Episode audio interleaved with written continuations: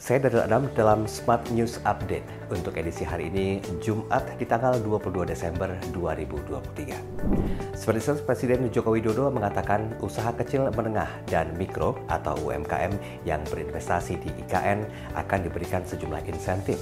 Yang salah satunya adalah pembebasan pajak berdasarkan peraturan pemerintah nomor 12 tahun 2023 tentang pemberian perizinan berusaha kemudahan berusaha dan juga fasilitas penanaman modal bagi pelaku usaha di ibu kota Nusantara, UMKM akan mendapatkan bebas pajak mulai dari pajak penghasilan atau PPH, pajak penambah nilai atau PPN, hingga pajak penghasilan karyawan.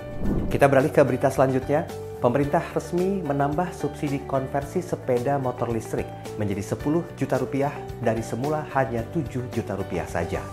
Selain itu, penerimaan insentif itu kini tidak hanya perorangan, melainkan juga kelompok masyarakat, lembaga pemerintah maupun non-pemerintah atau swasta. Adapun periode pemberian insentif tersebut mulai dari tahun ini dengan batas sasaran total 50.000 unit dan dilanjutkan pada 2024 dengan total 150.000 unit.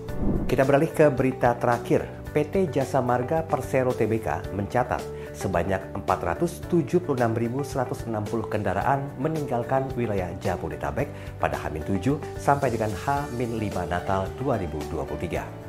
Angka tersebut merupakan angka kumulatif arus lalu lintas dari empat gerbang tol utama, yaitu Cikupa, Ciawi, Cikampek Utama, dan Kalihurip Utama.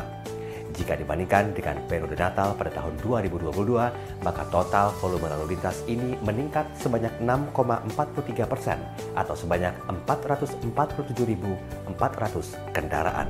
Sekian berita hari ini, sampai jumpa dalam Smart News Update berikutnya.